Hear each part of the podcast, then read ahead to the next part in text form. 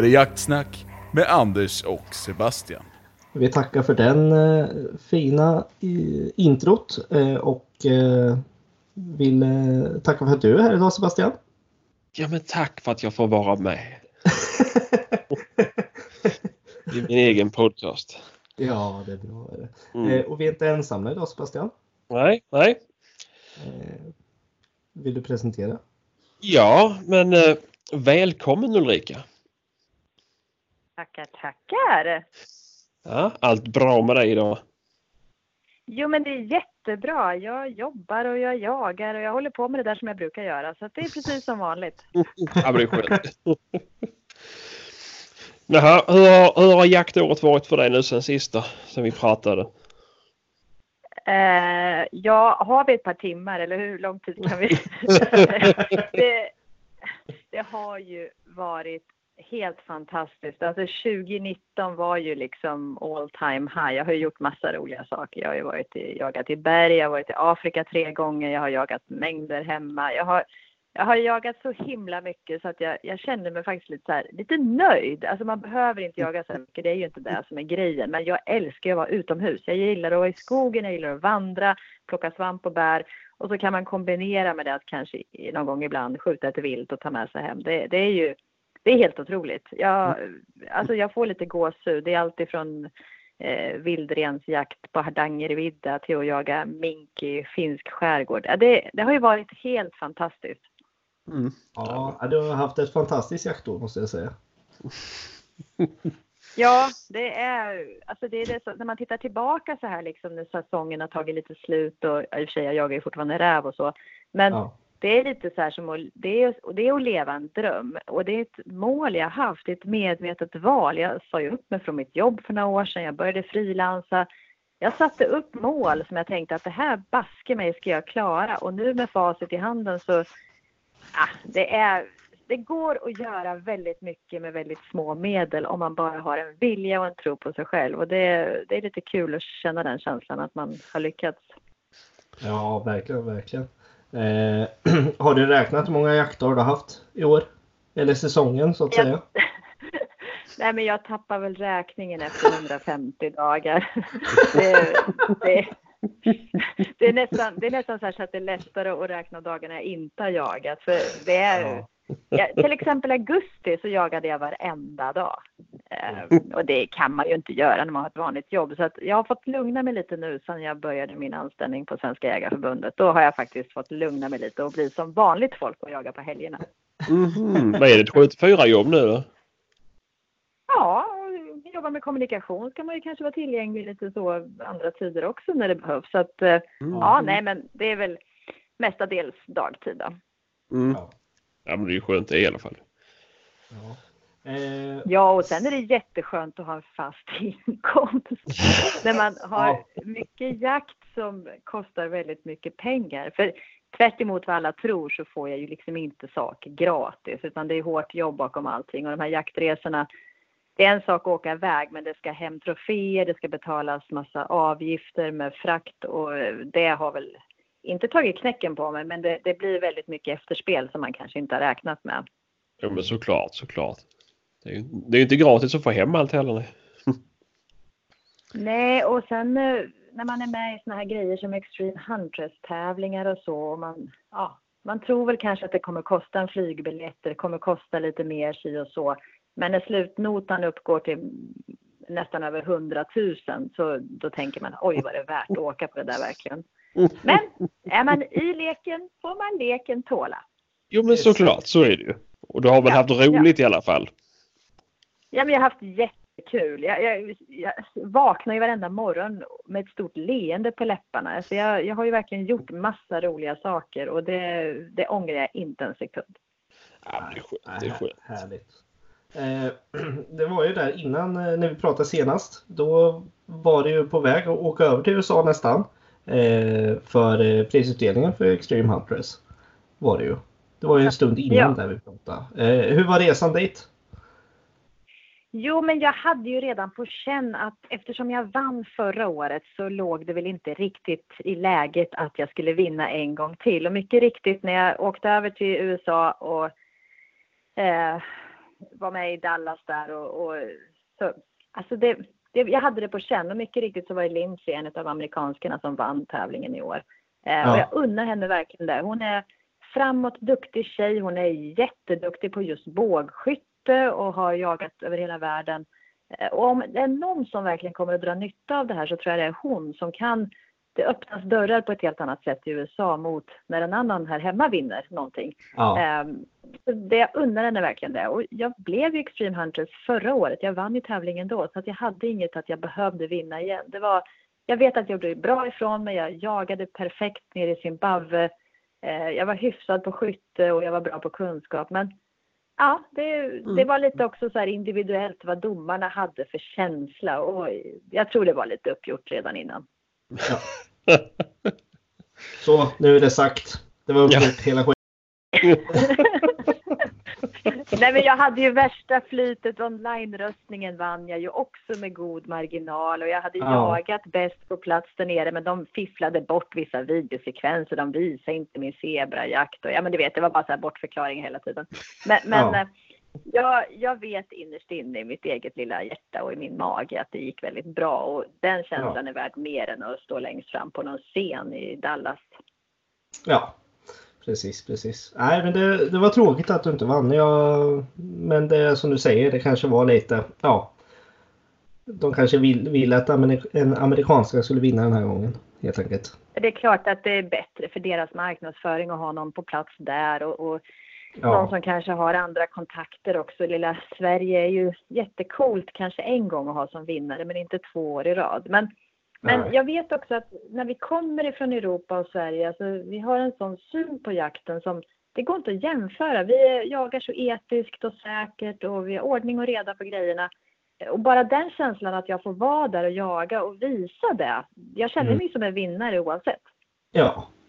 Det tycker jag absolut, absolut. Eh, och som sagt, mm, när man tittar igenom eh, de här avsnitten så tycker jag, ja. Det som du beskriver, det är mycket som inte kommer med som du säger verkar det ju som. Som vi har pratat sinsemellan om. Eh, Ja. på de här. Så att eh, ja, jag förstår vad du menar att mycket kanske inte kom med som du hade presterat. Som inte riktigt syns heller. Tyvärr. Nej. Ja, och sen Men- är det ju lite så också att det blir ju en reality, en liksom tv-show utav det. Och det är klart att de måste ha någon som de hänger ut som använder sin telefon väldigt mycket.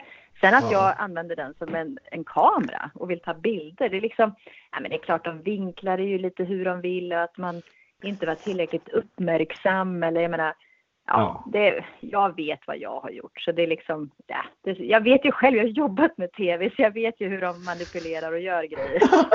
jag, kan, jag kan liksom inte bli irriterad utan jag, jag tar det liksom för vad det är. Ja, men det är Jag, ju bara, jag, vet, jag vet vad ni gör. Jag förstår precis. Jag har jobbat med det jävlar.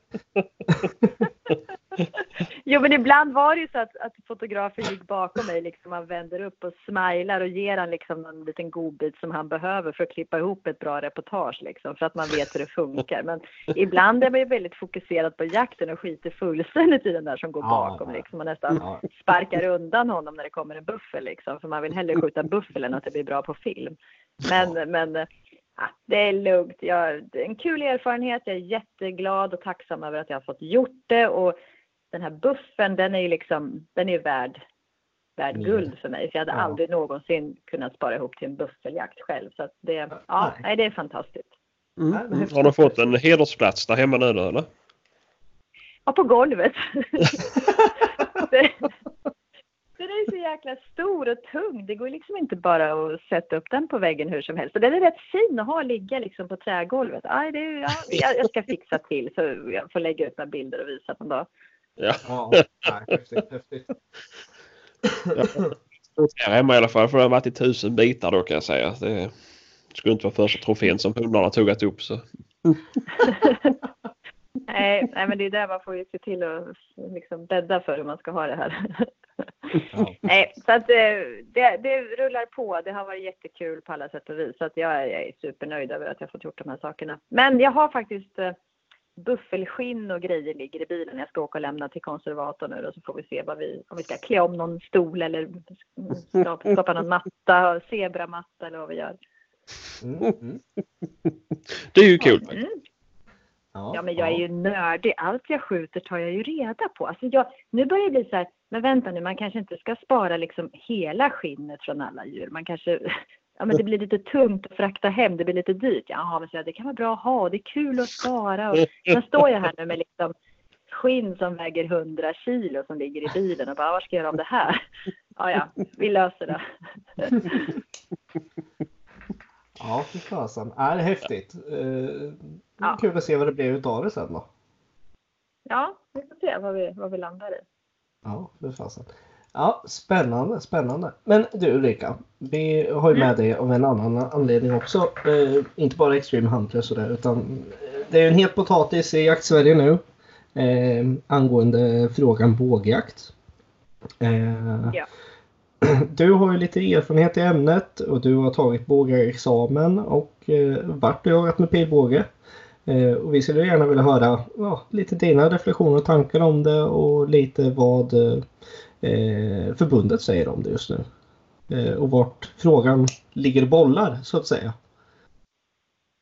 Ja, jo men det är väl lite så att det här är en sån här sak som verkligen kan påverkas av allmänheten och myndigheters känslor och vad man tycker om saker. Det är liksom, här har det varit väldigt mycket så att folk tycker saker, att åh, det kommer att sabba all vår acceptans för jakt överhuvudtaget och det går inte att döda djur med en pil. Och det, det florerar ju väldigt mycket rykten och, och jag tror att det är lite så utifrån rädsla eh, när man inte är tillräckligt påläst, när man inte vet vad det handlar om.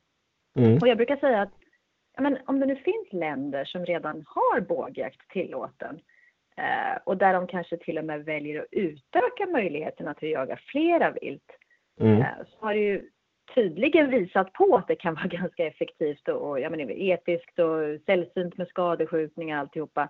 Mm. För att bågjägaren kanske rent av är mer hängiven, tillgiven, eh, alltså älskar det här den gör och har tålamod och kan öva mycket och för det ställer högre krav på att vara bågjägare. Jag, Ja. jag, det, det var ju så att jag började ju med båge för två år sedan när jag skulle vara med i Extreme Hunters första gången. För jag trodde ju att det kunde vara ett av momenten i tävlingen. Ja. Ehm, så jag skaffade ju en båge lite snabbt, tog kontakt med Svenska Bågägarförbundet, fick jättebra hjälp, köpte den här bågen och fullutrustad med allt som skulle höra till. Och, och så började jag träna som en galning Mm. och liksom drog på den där och sköt pilar och grejer. Ehm, Mm. Men sen var det ju att man behövde ta bågjägarexamen också. Det hade inte jag hajat från början. Mm. Ehm, och det var ju faktiskt en, en särskild utbildning som med både praktik och skjutprov och grejer. Och jag hade ändå tränat ganska mycket tyckte jag och var ganska bra på det här. Och kuggades på uppskjutningen därför att jag var inte tillräckligt bra. Okej. Ehm, och det kan jag känna att, vad fasiken, klarar inte jag det här? Ja men då är det nog fler som kommer få problem. Det är inte Mm. bara, det här var inte bara att slänga iväg ett par pilar liksom på någon tavla utan det här var lite mer än vad jag hade haft en aning om innan. Mm. Eh, Så jag, tror, jag kan ju relatera till det. Att det är förmodligen fler bågjägare som är mer tålmodiga och som verkligen ja, men tar det här på allvar. Det är därför man inte lossar en pil mot ett djur innan man absolut är säker och fått in djuret på nära håll så man känner sig bekväm. Eh, Mm. Så det kräver mycket mer. Eh, Mm. Och eftersom jag själv då åkte till Sydafrika förra året och tog med mig bågen och fick möjligheten att jaga så Alltså den känslan när du får upp ett djur som helt plötsligt står på 12 meter för att du har varit tyst. Du andas inte, du blinkar inte, du, du liksom... Jag vet inte hur man klarar av att vara så tyst och, och stilla men man, man, man bara är i det modet. Och så Ja. drar man upp sin pilbåge, släpper iväg pilen och ser hur den touchar. Det tog lite högt ovanför bogen och blodet bara sprutar ut. Mm. Då tänker jag, fasiken vilken kraft! Och den bara tog ett litet varv och la sig ner bara precis ifrån skottplatsen liksom. Uh, shit. Ja. Ja, för det är, Ja. det är lite det som är det svåra som många kanske inte förstår. Vi pratade om ämnet lite förra veckan här eh, när vi spelade in. Ja, Eh, ja, och Då är det ju det som många har svårt att tänka sig är det här med man hakar upp sig som svensk jägare på eh, anslagsenergi hela tiden. Eh, Mm, Känns det ju som. Klass 1-vapen ska ha si så mycket, och så mycket. Eh, Mm. Och sen kommer man på en pil som kanske bara har en joule-kraft på, vad är det, 300-400 ungefär. Eh, men det som den skapar är en så mycket större sårkanal. Eh, ja, det är ju faktiskt. rakblads, det är ett rakbladsvast, liksom en pil som går in som skär sönder de här Ja. blodkärlen. Så det blir ju otroligt stor verkan. Ja, Eh, Men jag tror inte det, det går inte riktigt att förstå det förrän man har gjort det eller sett det med egna ögon. Det, det, det är svårt. Jag, jag förstår att frågan är väldigt omdiskuterad och den här Mm. acceptansen för de som inte är för bågjakt. Ehm, Men jag hävdar ju med bestämdhet att det här är ett alldeles utmärkt sätt att jaga. mm. Ehm, det är faktiskt så att eh, en pil eh, fäller ju viltet väldigt skonsamt och snabbt. Eh, och jag tror också att det kan öka en viss accept- acceptans att det inte bly i köttet och det är liksom, ja. Ja, det finns, det finns många fördelar. ja. Eh, en fråga bara. Jag, jag, jag har försökt hitta, men jag har inte hittat exakt de här tavlorna man skjuter på. Eh, på provet. Mm. Hur- Hur stora är träffområdena så att säga ungefär? Ja, alltså träffområdena är ju, eh, vad kan de vara? Två decimeter gånger två decimeter. Ja, ungefär den, de, okej. Ja, Är det? ungefär. Det är ju Ja. alltså det är ungefär som på vanliga tavlor där du skjuter på skjutbanan. Till exempel Targets har ju liksom markerat var på viltstinet du ska skjuta. Det är exakt samma tavlor du skjuter med på bågjakt. Ja, ja. För, för, pro, för provet, som jag förstår det, för avståndsmässigt är det mellan 5 till 25 meter eh, man, man ska skjuta på. Eh, Ja, och det är det som ställer till det. Det är det som är så svårt. För har du tränat mycket på 20-25 meter, då sitter ju de pilarna perfekt. Och sen helt plötsligt står du på liksom 10 meter och då tar pilen för högt. Åh. Ja. Och så, eller ska du, och så siktar man lite lägre och så, nej, och ändå lik förbaskat, du siktar lite lägre så tar pilen för högt. Så ja, du, du, det där är, det är mycket teknik och, och få ordning på det där skyttet Ja. med de här avstånden. Ja. Eh, jag, jag har ju själv eh, tävlat eh, i bågskytte i min eh, ungdom. På väldigt många Ah. år sedan. Jag kan väldigt mycket om bågskytte, det tekniska och allt det. Mm. det. Det som jag känner i alla fall, med, om jag ser till mitt eget skytte om jag skulle göra det där.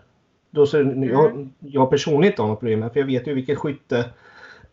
har, du, har du skjutit någon gång inomhus på tavla till exempel Ulrika? Ja, ja men det är. Ja.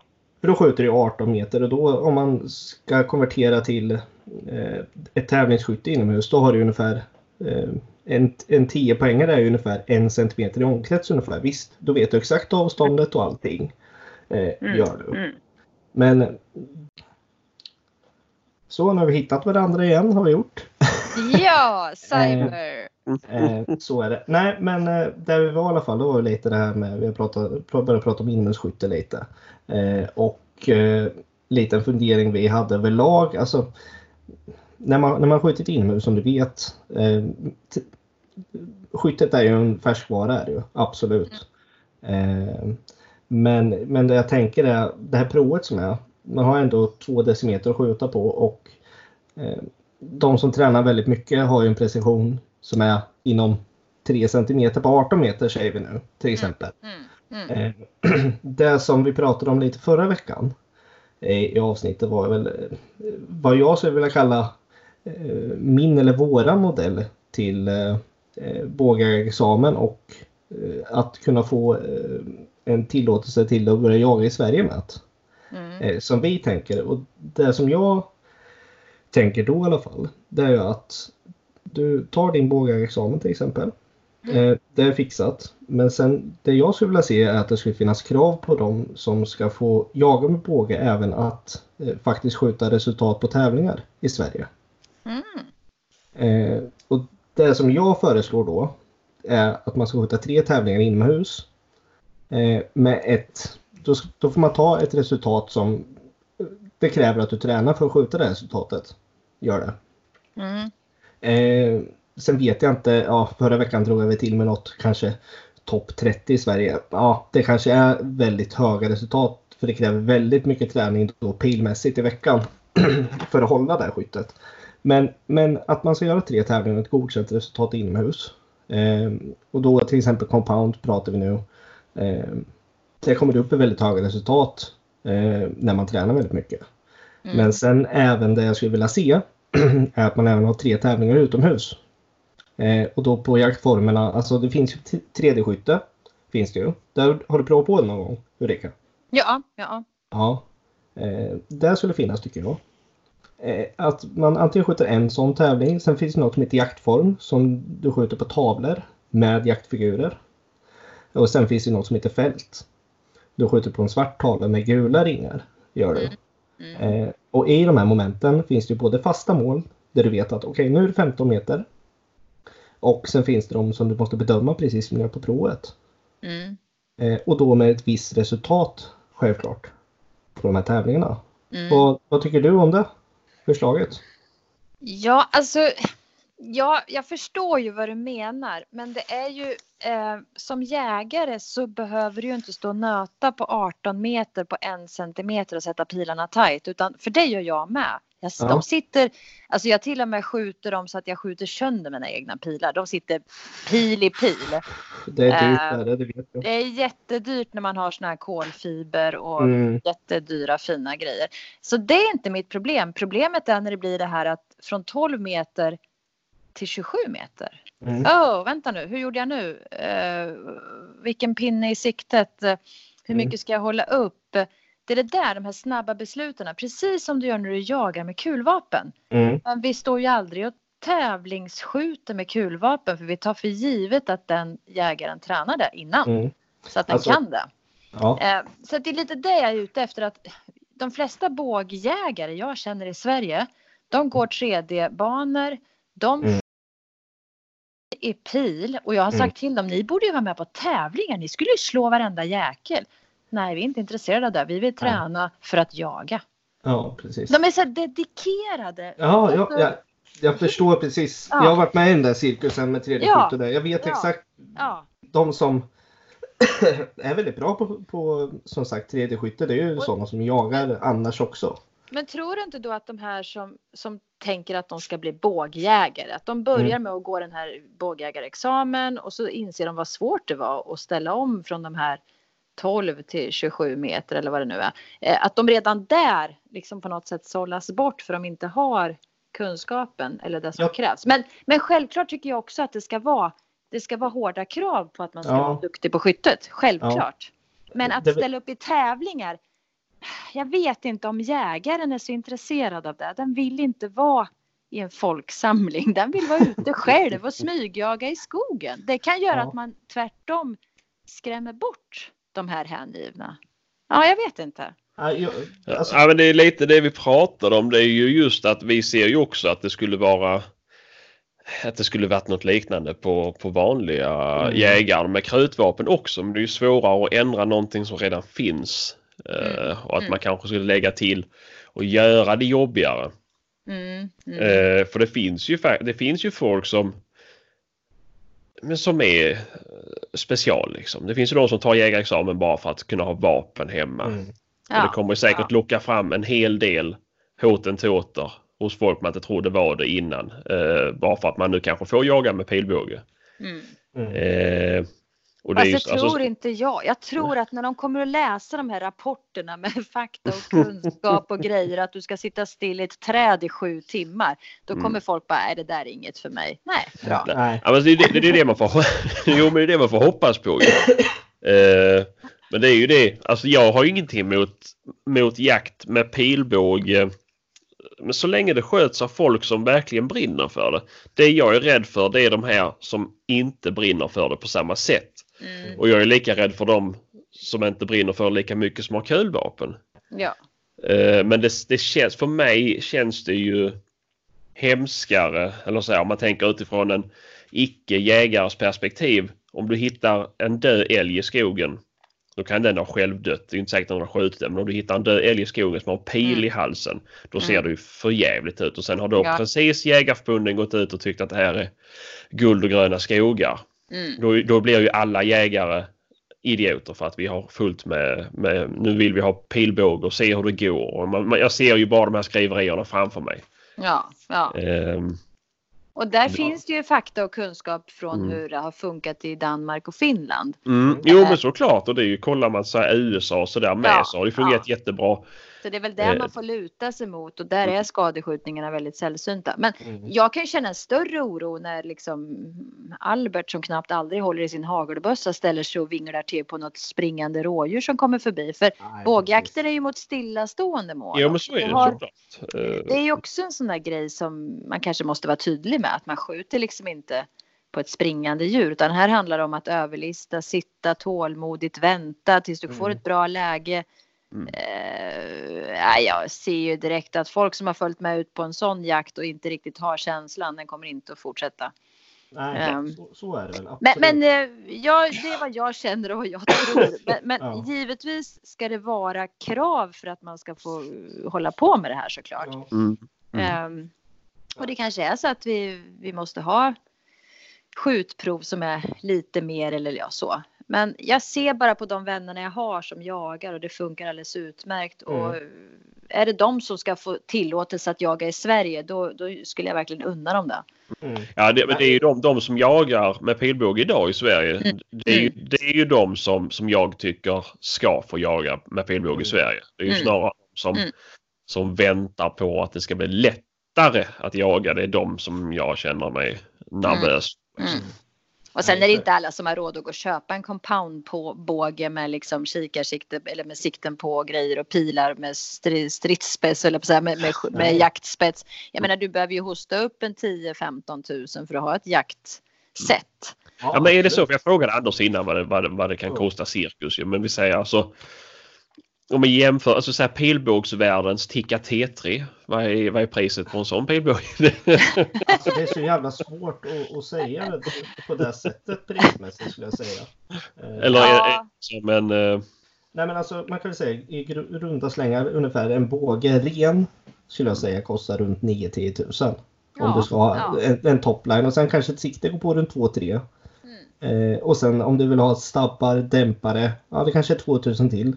Mm. Eh, men sen ska du ha pilsättet, då ett dussin pilar med, med eh, ja, jag vet inte, har du utbytbara spetsar på dina? Ulrika? Jajamensan. Ja, precis. liksom 100 kronor styck eller om det är mer. Precis, precis. Och, då ska du, och då ska du ha likadana tungstenspetsar eh, som kanske kostar lika mycket. Alltså du, du ligger ändå på ja, som runt 15 000. 16, Ja, alltså 15 000 om du ska ha ett bra sätt liksom.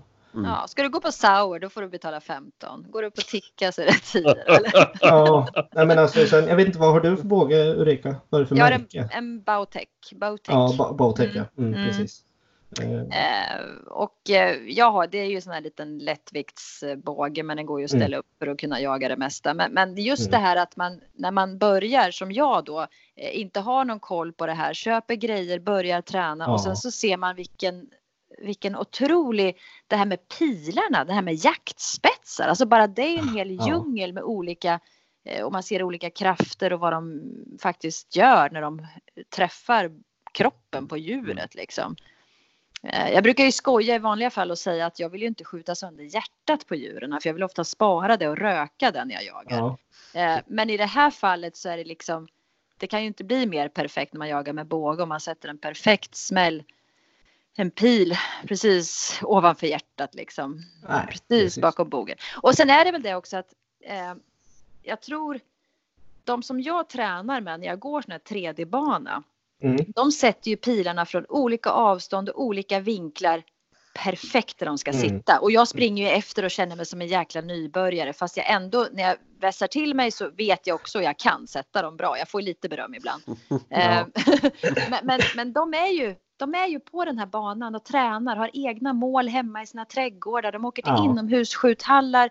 Alltså, sen drar de iväg tre dagar kanske till Danmark eller till Åland varje år. Och det är det enda de liksom jagar. Resten av året så tränar de. Mm. Mm. Eh, Så jag är grymt imponerad utav det och jag vill också bli så bra och så duktig och jag försöker träna så mycket jag kan. Men det är det här med avståndet. Ja, Mm. men då skulle det vara jättebra att de eh, under den här tiden när de inte jagar att de får gå och tävla då för att få nerven lite. Eller hur?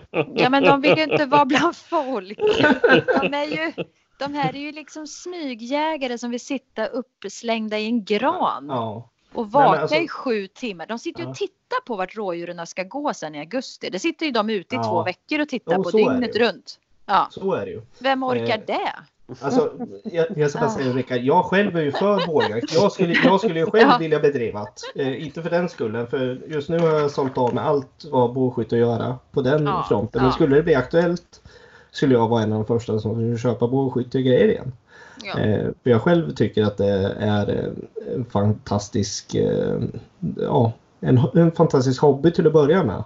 Mm. Eh, bågskytte i sig. Men sen om man skulle kunna utveckla det till en, en jakt också skulle jag tycka det var jättehäftigt. Mm. Eh, men, men av mina erfarenheter jag har som skytt och alla år jag har skjutit så känner Mm. jag att jag tycker det låter för lätt. Tycker Mm. jag personligen. Mm. Eh, och då sköt inte jag ens compound, jag sköt rekurvbåge då när jag Mm. tävlade. Och jag känner ändå att de här områdena tycker jag är för lätt. Mm. Eh, och sen har, ju, sen har inte jag stått och skjutit på de här målen så jag vet inte exakt. Nej, och det jag säger två decimeter. Jag bara höftar till Ja. på ungefär. Alltså, jag menar, hur stor är älg, älgbanans eh, Ja. älgfigur? Hur stor är det? Det är väl fyra decimeter på sitt Mm. bredaste. Alltså, Mm. Ja, om man nu ska jämföra och där Jo, vinglar vi ju på ett skott liksom bara i farten. absolut. Ehm, så att, ja, nej, men jag förstår vad du menar och, och självklart ska det vara ordning och reda. Men jag måste återpoängtera att när det gäller bågjakt så är det väldigt mycket känslor som påverkar istället Ja. för att man tittar på all fakta som Ja. faktiskt visar på att det fungerar bra. Ja. Mm. Ja, ja, ja. Så att det, är lite, det är lite där jag vill... Det finns faktiskt forskning och fakta och allt möjligt. Även om eh, SLU och några kanske inte riktigt är på samma bana. Men, men Jägarförbundet och... Alltså, har, du- har, du, har du läst SLUs uh, uttalande de gjorde nu? Den här Ja, rapporten? jag har faktiskt läst hela. Det var väldigt många Alltså, sidor. Ja, jag läste den de, också. ja, och de vill ju att det behöver, det behöver forskas mer på det här. Då. Ja. Men Eh. gud, ursäkta alltså, men vad de ordbajsade i den där rapporten. Ja, för Eh, det var ju förlåt, samma, samma Ja. ord som återkom hela tiden. samma grej Ja. i stycke efter stycke med samma saker. Alltså jag tyckte det var visst, de har väl kommit fram till någonting, de har samlat fakta, men ändå kommer de inte fram till någonting. Eh, Nej, nej. men, eh, men eh, ja, Det är olyckligt därför att hela den skrivelsen går ut på att det behöver forskas mer på området. Och Ja. i nästa mening så har Jägarförbundet redan konstaterat att det finns fakta ja, som visar på att bågjakten fungerar väldigt bra. Och det finns väldigt många länder att ha som exempel. Det är inte så att Mm. vi ska uppfinna hjulet och vara Nej. först ut och vara Robin Hood liksom. nej, nej, nej, nej, absolut inte, absolut inte. Det, det, Men, men det man Nej. tänker då, eh, alltså ändå det jag tänker är väl att jag skulle i alla fall vilja se svårare med det här idag lite. mm, eh, mm, med det här eh, bågexamen. Eller för att vi kanske ska få ett godkänt nu då. Om vi säger så här att det står och väger. Mm, Okej, men om vi tar det här kravet då. Säg till exempel bara tre utomhustävlingar då. Att man Mm. måste skjuta viss. Om det skulle stå väga, väga över om det skulle bli ett ja eller nej. mm, mm, Då tror jag att de flesta bågjägare skulle gå med på det och visa att okej, vi kan klara av det här. Det funkar mm. utan problem. Eh, och jag tror att det, då har bågexamen, den, vad är det, två dagar ungefär det tar att ta den va? Ja, Just nu. Ja, och då skulle jag redan ha en vanlig jägarexamen i grund och botten. Ska det ha. ja, och sen ska du övningsskjutit ganska ja, ja, precis. insåg ju jag. Ja, men det, alltså det, är, det är mycket. Eh, Ja. Absolut. Eh, men då att det kommer det här tredje steget. De som redan är nu som står startklara så att säga. Eh, de har ju bara ett steg till att ta då. För Mm. att det ska börja gälla att de kan börja jaga. Eh, och jag tror inte det skulle vara ett stort steg för dem då. Att göra den grejen. För, för om du är på till exempel en sån tredje tävling då, då går du i skogen med en patrull med tre skyttar till så att säga Ja. gör ju. Så ja, nej, jag skulle vilja se det i alla fall. Ja. Eh, Ja, för det- att, tiden också. Eh, Alltså- alltså, problemet är väl det där med tiden, att vi som jagare är ju med i ett jaktlag. Det ska Ja. byggas torn och fodras åtlar och man har Ja. kanske småbarn som ska skjutsas på hockeyturneringar. Alltså, det är väl lite det också som gör att bågjakten blir ju ytterligare en grej som kommer ta av våran tid som vi redan idag är ganska fullbokade i. Eh, absolut. och det kräver väl också att det blir den här hängivna personen som faktiskt Ja, satsar. Jo. Um, Men jag tror att det kommer ge sig därför att om du åker till en skjutbana och skjuter på älg Ja. figuren på 80 meter och du inte ens är på tavlan utan missar den hela tiden. Då hoppas jag ju att man inte åker och jagar älg Nej, och liksom chansar. Utan Ja, men det är ju de, de, de som inte klarar av att träffa tavlan åker inte skjutbanan ens en gång. De åker bara Nej. ut och jagar älg. Så Ja, det är tyvärr exakt. så är det. Ja, Men ja. eh, Och vad så är det på samlingen på morgonen? Samlingen så- på morgonen. Alla har skjutit godkänt va? Benke du med? Åh, åh, åh. Får du så kom jag- med det? Nej, jag glömde det hemma, men det är, det är fix. Det är klart. Och, Fan. och, och så blir det ju inte med bågjakten för att åka ut själv med en pilbåge och tro att du ska träffa ett djur. Alltså har du bara tränat en pil innan så inser du hur svårt det är att hamna Ja. mitt i prick. Så att, ja. Men jag tror att alla, alla tankar är bra om hur man ska lösa det på bästa sätt. För vi måste försöka få bågjakt. Ja, Jag tycker också, jag skulle vilja se bågjakt. Personligen vill jag verkligen se att, eh, jag, men jag vill bara se att det är verkligen, att det är rätt krav för skyttarna som ska göra att det är det jag känner eh, är det. För att jag själv som har vistats i den här tävlingsmiljön väldigt mycket Mm. eh, vet själv folk som har, kan träna år ut och år in Mm. faktiskt och ändå inte träffa. Nej, nej. Det är väl där jag känner att okej, man kan träna, man kan göra det och sen då till exempel på en bågexamen, ja, du vinglar in dem. Som Mm. folk gör på skjutbanan idag på, på den löpande älgen. Mm. Att Mm. kunna visa då kontinuerligt, kanske på några tävlingar på ett år, att ja, men det funkar. Det var Mm. inte bara en engångsförteelse eller liknande. Jag skulle vilja se det. Ja, Eh, ja. Som, som ett bevis på att okej, de som är ute och jagar med p-båge, de har bevisat att de verkligen kan det här. Mm. De lägger ner tid och själ i det här. Och då ska de få göra det. Mm. Eh, Det är väl min åsikt i det. Och som sagt, jag själv, eh, som säger igen, jag har ju fört Ja, ja, ja. Men jag vill verkligen att det är krav på den som ska bedriva det. Ja, ja. Ja, och det är väl egentligen, man kan väl jämföra lite med också, eh, vi ska ju helst ha skjutit på älgbanan innan vi går ut och jagar älg. Det är väl Absolut. upp till ens eget lite, ja, omdöme, omdöme och samvete vad man Ja. håller på med liksom. Så att, Ja. Men jag tror också att i samhället så blir det, den nya generationen jägare kommer in, det blir mer kvinnor som börjar jaga. Det är en större medvetenhet också därför att nu är det nästan så att han den här Hubbe som inte har varit på skjutbanan kan man nästan liksom lov att säga till idag. Det hade ju aldrig hänt för några år sedan för då hade man bara nej låt han vara, han, han hade inte tid eller han hade inte. Men Nej. nu vågar folk liksom för det handlar om säkerhet, Ja, skitviktigt. precis. jag vill veta vilka som är med och jagar med mig varje dag och vad de har för kunskap och om de har skjut, gjort prov och grejer. Så att det handlar ju om, vi är faktiskt med, med vapen i skogen. Jag är ju fasiken, ja ibland är man livrädd. Ja. Ja. Ja, men det är faktiskt så. Jag vill Men- ut och jaga själv med min pilbåge. Låt mig vara i fred. Ja, men, men, bara- men bara på tal om det här med, med skjutbanor. Jag tänker bara. Kommer Jägarförbundet göra någonting liknande som de har med eh, skjuta guld och silver och brons på älgen? Kommer de, alltså, håller de på att ta fram något liknande som förbereds inför bågjakten? Nej, för vi är ju så himla bra redan. Nej. Nej, alltså jag tror att det är så här att Svenska Jägarförbundet, eh, det man gör just nu det är ju att man tillsammans med Bågjägarförbundet har lagt fram vissa förslag på regelverk som ska ställa högre krav. Mm. Och, och det har ju med, med Alltså det, man blandar fakta med erfarenheter från andra länder och hur de här besluten ska tas och alltihopa. Eh, Och där står det väl egentligen idag bara att man ska ha en särskild utbildning där praktiska skjutprov ingår. Sen Mm. hur det utformas, det vågar inte jag säga. Eh, Det Nej. kanske är så att man ser över det som finns idag för att man vill ha en striktare grej i Sverige. Det, Mm. men, men sen är det lite så att även om du har tagit bågjägarexamen i Sverige idag, du får ju inte jaga här. Eh, Nej. så att Ja. när du ska sen resa till Danmark eller eh, till Finland så måste du ta ett, ett, ett examen till. Du måste göra Mhm. ytterligare skjutprover och grejer så att det är ju det är rätt jobbigt Mm. eh, som Det det är idag redan. Men det tycker jag är så konstigt egentligen att det är så. I och med Ja. att all, alla proven går ju under IBS, vad hette det? Jag kommer inte ihåg vad det heter nu, förbundet. Det nationella mm. bågjägarförbundet. Mm. Proven är ju sam, framtagna genom samma instans så att säga. Ja. Och ändå gäller de inte i Nej, ja, nej. IBEP heter de. IB, ja just det. Mm. Eh, Men det, är, men det är också ett sätt att visa kanske allvaret att man vill att man gör det här testet innan man åker till Danmark. För man kanske har bokat den resan i god tid och inte Ja.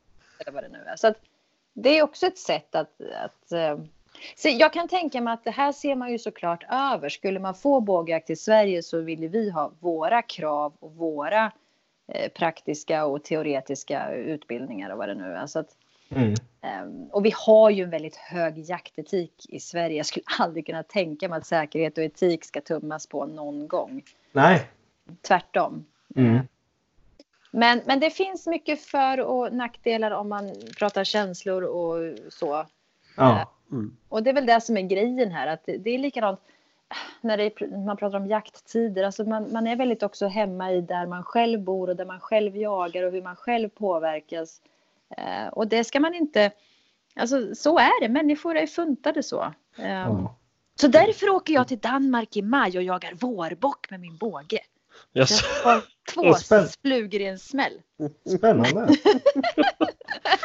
Ja. Vad gör man inte för att sticka ut? Ja, nej men absolut, absolut. Men, eh, Om, men, jag klarar, om jag klarar det danska testet. ja, men är, det, är, det, är det samma där? Är det skytte och eh, teoretiskt då också eller? Ja, nej, då har jag gjort teorin hemma så då är det skytteprov. Ja, ah, okej. Mm. Ja, men då, då är det ju lugnt där ju. Så jag tränar för fullt nu. Jag har min lilla kub som jag har i bilen som jag släpar med mig så jag kan stanna till i stugan eller om jag är på jobbet och sover över någon natt och ställer ut den i trädgården och tränar. Ja, Hur, hur, hur, hur brukar du träna då? Alltså hur brukar du göra så att säga? jag brukar försöka träna från, i och med att jag blev ju väldigt överrumplad när jag själv jagade med pilbåge att djuret kom in så nära som 12 meter. Det hade jag aldrig kunnat drömma om. Jag hade tränat på 22 och 25 för det var liksom, jag var helt övertygad om att någonstans där skulle djuret komma. Ja. Eh, och de pilarna satte jag ju liksom, ja men jag sköt ju sönder mina egna pilar, Mm. de satt ju pil i pil. Eh, Mm. Så när djuret kom in på 12, då blev jag så här, hjälp det här är för nära, det här har jag inte tränat på, hur gör jag nu? Oj, oj, jag måste ju hålla ner pilbågen lite grann, vänta, hur blir det här? Och då tog ju pilen en aningen högt såklart. Eh, inte någon fara, Nej. men ja.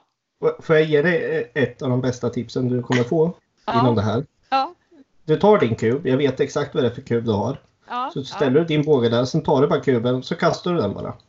ja, just det, Och sen skjuter du en pil, så går du och tar Ja. den. Sen kastar du vidare den bara. På olika Ah. avstånd. just det. Så tränade jag och många andra på avståndsbedömning. Ja, ja, Eh, och då till exempel på en gräsmatta där du vet att du har en, eh, ja, ett pilfång. mm, mm, Eh, och sen även kunde man göra att till exempel eh, i skogen också. ja. Eh, bara kasta den eller stå på en sten så du får den neråt. Och liknande också så det blir olika vinklar. Bara Mm. kasta den där. Mm. Bästa som finns. Ja, och nu har jag gjort så också att jag har ju märkt upp som i stugan till exempel. Eller har jag att går jag lite längre ut i, i riset så kan jag stå liksom och skjuta på den och den avståndet så att jag verkligen kan träna, gå fram några meter, gå tillbaka några meter utan att jag liksom tar upp och tittar avstånd hela tiden och så. Utan, Mm. eh, men alltid när jag har varit på jakt så har jag använt avståndsmätaren och Mm. varit hundra på vart djuret är innan jag släpper pilen. Precis, precis.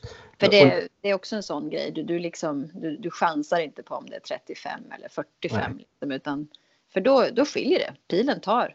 Absolut. På 10 meter så hinner det hända mycket. Det som jag har så svårt att förstå fortfarande med bågjägare med, med, med sikterna som ni använder. Mm, Det är mm, att ni har de här med fler pinnar. Jag fattar inte varför man inte tar en vanlig med ett skop och sen har en skala som du ändrar istället på siktet. mm, mm. Eh, Jag förstår faktiskt inte det. För- Men hinner du det om djuret förflyttar sig? Hinner du ändra det då snabbt?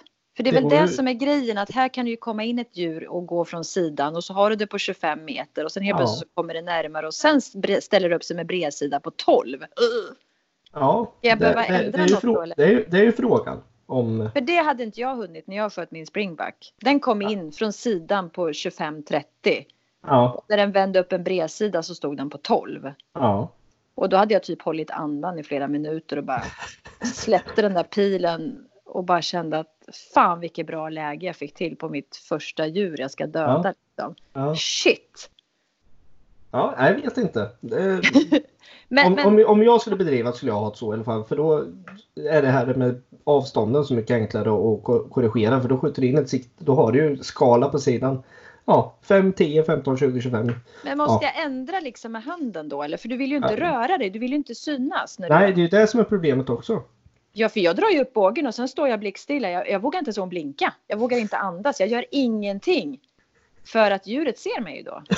Nej, det, alltså, det är ju så nära bevi- så jag kan ta på det. Bevisligen är det ju en beprövad metod det här med siktena som används eh, över hela världen med flera, eh, Mm. med flera piper i så att säga i siktet. Men, Ja. men jag personligen skulle ha svårt att skjuta med det för jag, ja, nej. Mm. Jag, skulle, jag skulle Mm. ha svårt för det i alla fall. Skulle jag ha. Ja, ja, men Eh, jag tror att då är du inskjuten på det som du kör. Men när du står inomhus eller på en tävling, du kan ju greja och fixa bäst du vill innan det är dags. Liksom. Du behöver ju inte stå och vara tyst för den bredvid att du inte kan blinka och röra dig. Liksom. Nej, om det inte är någon Eh. väldigt känslig bild. För det är väl det jag tror också att det här med bågjakt. Det är många som stirrar sig blinda på vilka sorts bågar ska man använda, vilka spetsar är dödande och hur ska det gå Ja. med, med draglängder och allting. Vänta nu, det handlar om jakt. Att Ja, överlista ett djur. Det är det Ja. här också, att du ska komma nära, vara tyst, smyga. Alltså har du någonsin hört ordet indian förut så blir du så här maxi-indian nu. nu liksom duger det inte att bara ta av sig raggsockarna och ställa kängorna. Nu ska du liksom till och med ha på dig mockasiner för att bli Ja. extra tyst. Alltså, det är mycket det också eh, som är grejen med bågjakten. Ja, nej, men, Men eh, jag vet inte, vi får väl se om det är många som börjar köpa mockasiner så är det en hit. ja, precis. precis. Eh, Nej, man men ska, det- inte skoja, man ska inte skoja bort det. Jag, jag har full respekt för att du, du kan mycket om det här också. Så att jag verkligen, vi- fan vi borde ju nog tillsammans skulle det bli skitbra. Ja, för fan, jag ställer upp allt.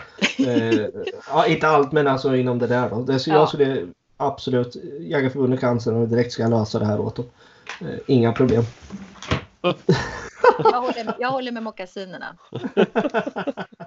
Nej, men eh, som sagt, det, det är en känslig fråga och eh, vi vill ta in input så, från så många som möjligt och speciellt Ja. någon som har bedrivit det innan också. Och det är, om man säger så här, den vardagliga jägaren idag med vapen som ska smyga på en vårbock eller vad Mm. säger jag, en, en på bockjakten vet själva att det kan vara ett helsike att smyga in på eh, 50-100 meter ibland. Ja, ja. Då ser du in på 25-30 meter ungefär. Ja, och då har ju bågjägaren varit ute sedan klockan två på natten och suttit uppe i ett träd 10 Ja. meter upp och väntat in de här bockarna. Den Ja. har ju inte sån, liksom gett sig av och börja smyga för det funkar ju inte utan det, här handlar det ju om en helt annan, man är dedikerad och gör saker som, ja, faktiskt. Det, Ja, nej men det är som sagt, det, det, är ingen lätt jakt, absolut inte. nej, och det kommer inte. sålla bort ganska många ganska fort har jag en känsla av. För det, när de inser hur mycket jobb det är och hur svårt det är då, då kommer de inte riktigt tycka att det är lika coolt längre. Så att, Nej, nej, förhoppningsvis har vi väl de som nu, när det blir godkänt, för det kommer bli godkänt, det tror jag absolut. Sen är det bara under vilka former det blir. Det är väl Ja. det som är frågan Ja. fortfarande. Eh, att de som väl gör att de verkligen håller en hög etik eh, för det här för att det var inte länge sedan det vart helt nekat. Var det 2007? Det vart helt så här, ah, det kommer inte hända, jag för mig va? Nej, men det var ju då när vi fortfarande bodde i grotta och hade rullat för stenen för ingången. Men nu har det ju hänt lite grejer. Ja, precis. Nej men alltså, det kan ju bli Ja. igen att om, om det skulle godkännas nu säger vi och, och, och man märker att äh, det här lirar inte. Nej. Då kommer det aldrig mer bli godkänt troligtvis. Nej, nej, nej, nej, nej. Och det är väl Eh. det som är grejen också att eh, alltså när det gäller Svenska Jägareförbundet, där har vi ju bra samordnare och folk som är pålästa och insatta i det här. Vi har bland annat Björn Sundgren som är jätteduktig.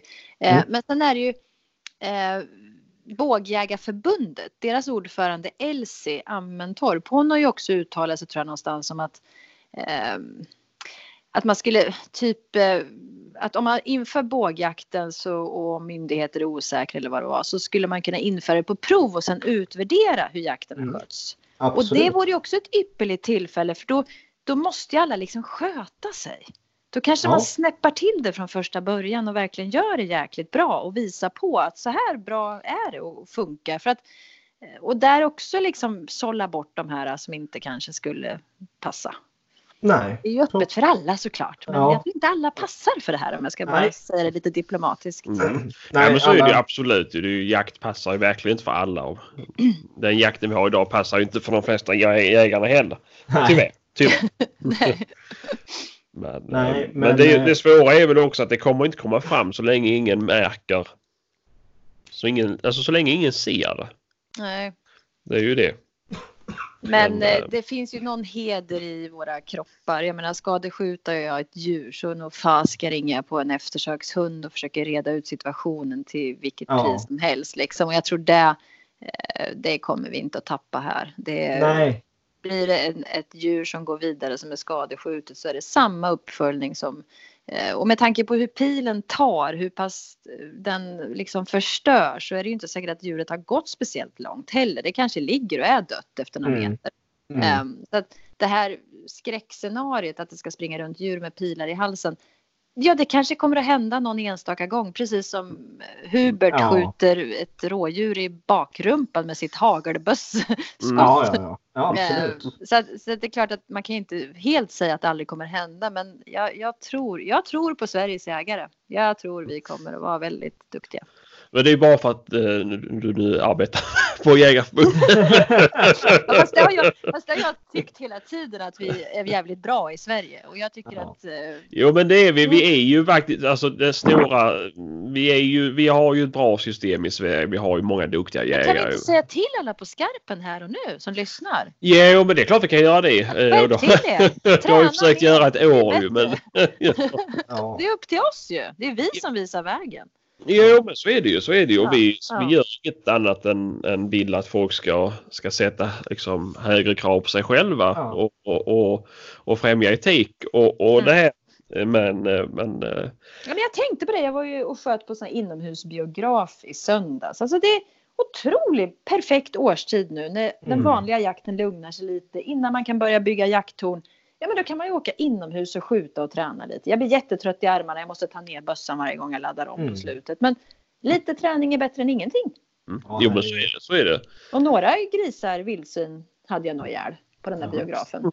Visst, är, visst är det kul att skjuta på den här biografen? Det är jättekul och man får Ja. lite självförtroende också när man ser att fasiken det här går ganska bra. Jag som inte jagar drevjakt så ofta och tänker att jag har legat av mig. Men den lilla träningen som jag ändå hinner med då och då.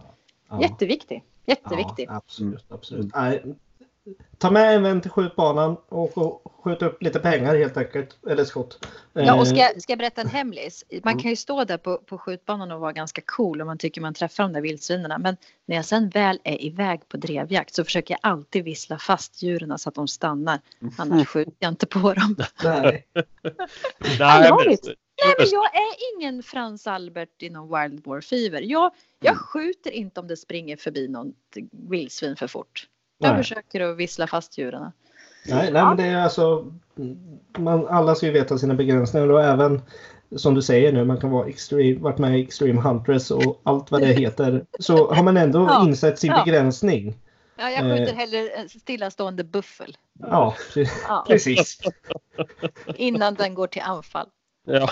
Det, det, kanske, det kanske är ett wake-up call för många här som lyssnar att ja, alla behöver inte skjuta på ett löpande om man inte klarar av det. Exakt, det vill vi bara... Ja. För det finns lägen som både jag och Sebastian också, nej, det där gick inte liksom. Det går Nej. inte att skjuta på det där. Det är bara Och helt otroligt så går det faktiskt att vissla fast både dov och rådjur och alltså räv. Jag har skjutit massor på drev. Mm. Bara för att jag har vrålat till allt vad jag kan och de inte ens som kan undvika att stanna till och undra vad det där var. Mm. Fast de har en hund efter sig. Mm, mm. Och då tar jag skottet på en millisekund. Så fort de bara, så fort jag ser att de bara tänker tanken att stanna. Så tar jag Va? skottet. Jag är ju snabb så. Helvete, är det en plå, plågad svampplockare. Och då, har jag Sen ofta, bara pang, och då har jag oftast skjutstöd också. Det alla säger på drevjakt, man kan inte stå med skjutstöd. Jo, jag gör det. Och så faller Vad, djuren. vad som än funkar för var och en. Eh, Men det är också intressant det du säger med skjutstöd. Jag har Ja. sett väldigt många som har skjutstöd när de skjuter älgbana eller älgprov. Undrar Ja. om de har den där känner mig på en drevjakt alltså. Ja, men jag har ju det. Ja, Jag men jag tror det är många som, många som skjuter där för att klara att inte ha det sen. Ja, just det. Du tänker så. Mm. Ja, nej, jag är- har blivit så van. Jag har ett sånt tvåbent som jag kan liksom vinkla åt både höger och vänster, fram och tillbaka. Jag blir väldigt rörlig med den. Så att det... Ja, ja, herregud. Eh, Mm. De, de är bra här. De är riktigt Ja, bra. förlåt, jag bara surrar om allt möjligt här. Men jag gillar ju jakt. Jag älskar ju jakt. Ja, det är därför det är så kul att ha med dig också. Du pratar ju och, och vi behöver inte dra saker du och dig. Nej, det är jättebra. Ja. Eh, men initial, eller vad ska man säga, om bågjakt. Du är för bågjakt i alla fall Ulrika och eh, du, eh, du ser, när, när tror du att det kan bli eh, godkänt i Sverige? Åh, jag hoppas att det blir snart. Men eh, det här, såna här saker tar ju tid. Och, Mm. jag säger så här, jag säger inte när utan jag bara hoppas på att det blir. Mm. vad skulle du, om, om det till exempel skulle bli ett prov på det, vad skulle du se vilka djur skulle bli tillåtna då till en början? Ja, alltså ska jag tänka lite krasst så är stora djur lättare att träffa. Eh, men, men eh, vi ska ju inte vara så här, vi ska inte skoja bort allting, vi ska vara lite allvarliga också. Ja. Men jag, jag älskar att jaga räv. För mig skulle det ultimata vara såklart att få skjuta en räv med pil. Men rådjur är väl alldeles utmärkt Mm. Mm. Eh, lite lagom storlek på det. Det går att komma nära om du sitter på ett ställe där du vet att de brukar passera och man kan vara ute i god tid och smyga. Eh, vaka, hänga i ett träd, sitta i ett gömsle, sitta i ett torn där du vet att det är en viltväxel eller viltstig. Mm. Eh, men rådjur är ju väldigt bra. Ja. Mm. Ja, men det kanske ett alternativ då kanske skulle vara som sagt att man skulle ta på prov eh, en treårsperiod på eh, vårjakt på bock. Till exempel. Nej, Jo, alltså. Men det är svårt. ingen vårjakt på bock i Nej, Sverige. Nej, men jag skulle nog kanske hellre skjuta typ killing och alltså förstår du?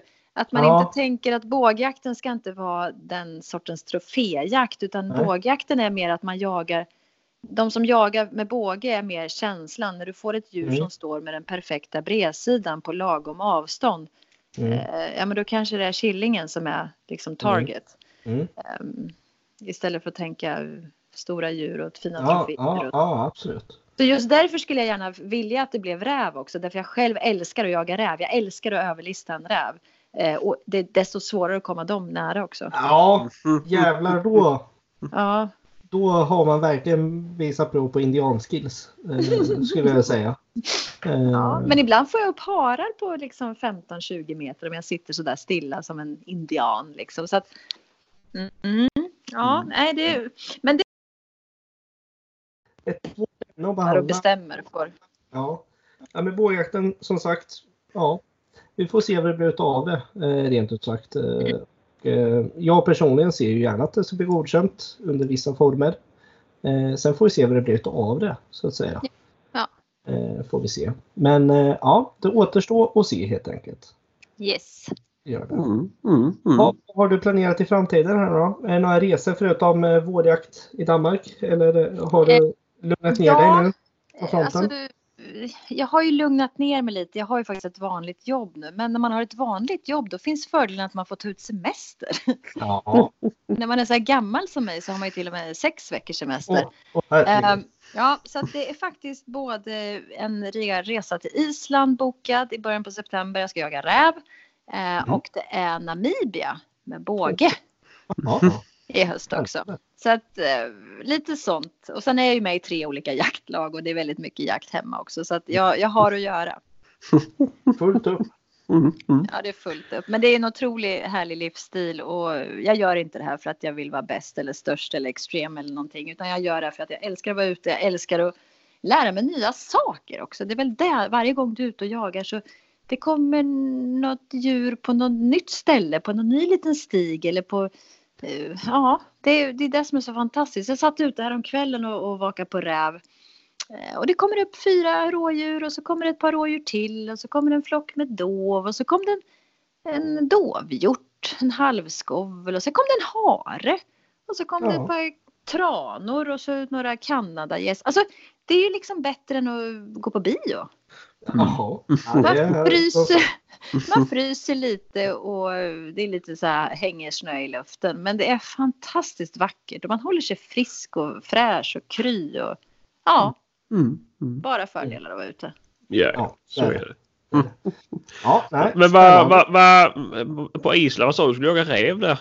Jajamensan, jag har kompisarna Alma och Gunnar som bor där som eh, jag ska åka över och hälsa på.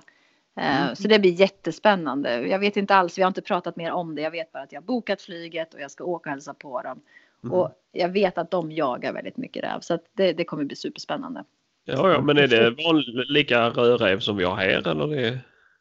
Eh, nu, nu blev jag sådär lite osäker. Alltså de, Ja. är ju, de är ju väldigt gråa och svarta. Eh, Ja, det är kanske Ja. en annan.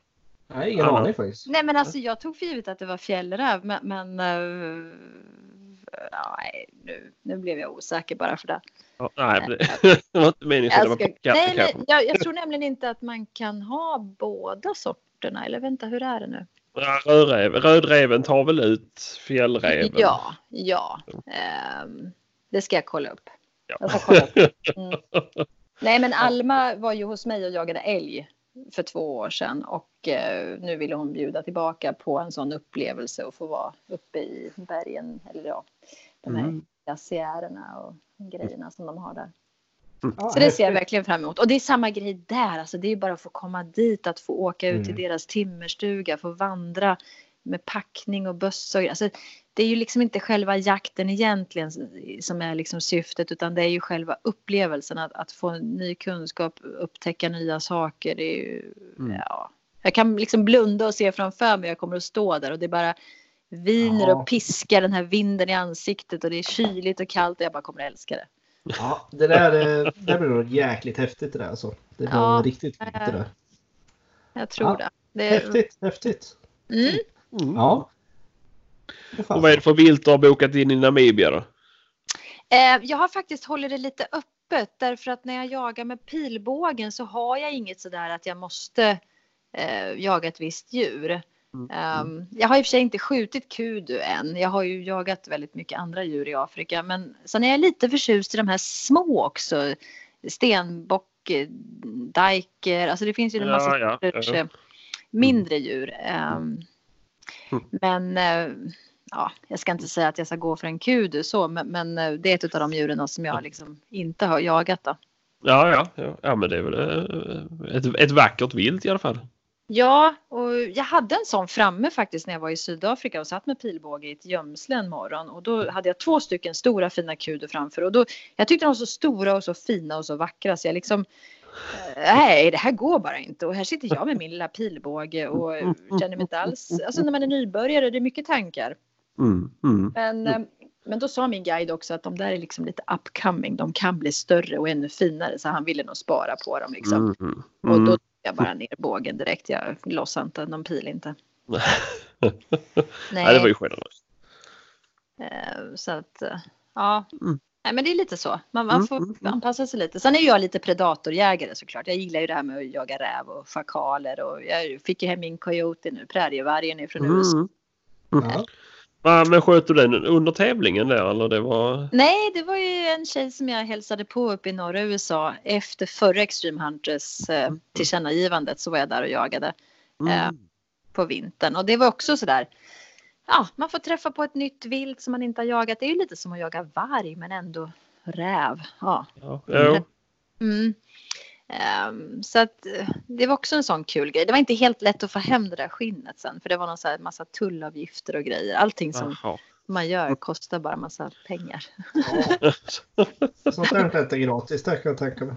Nej, det, nej, det har varit väldigt mycket så här utgifter ett tag som inte riktigt har varit beräknade i förväg om man säger så. Mm.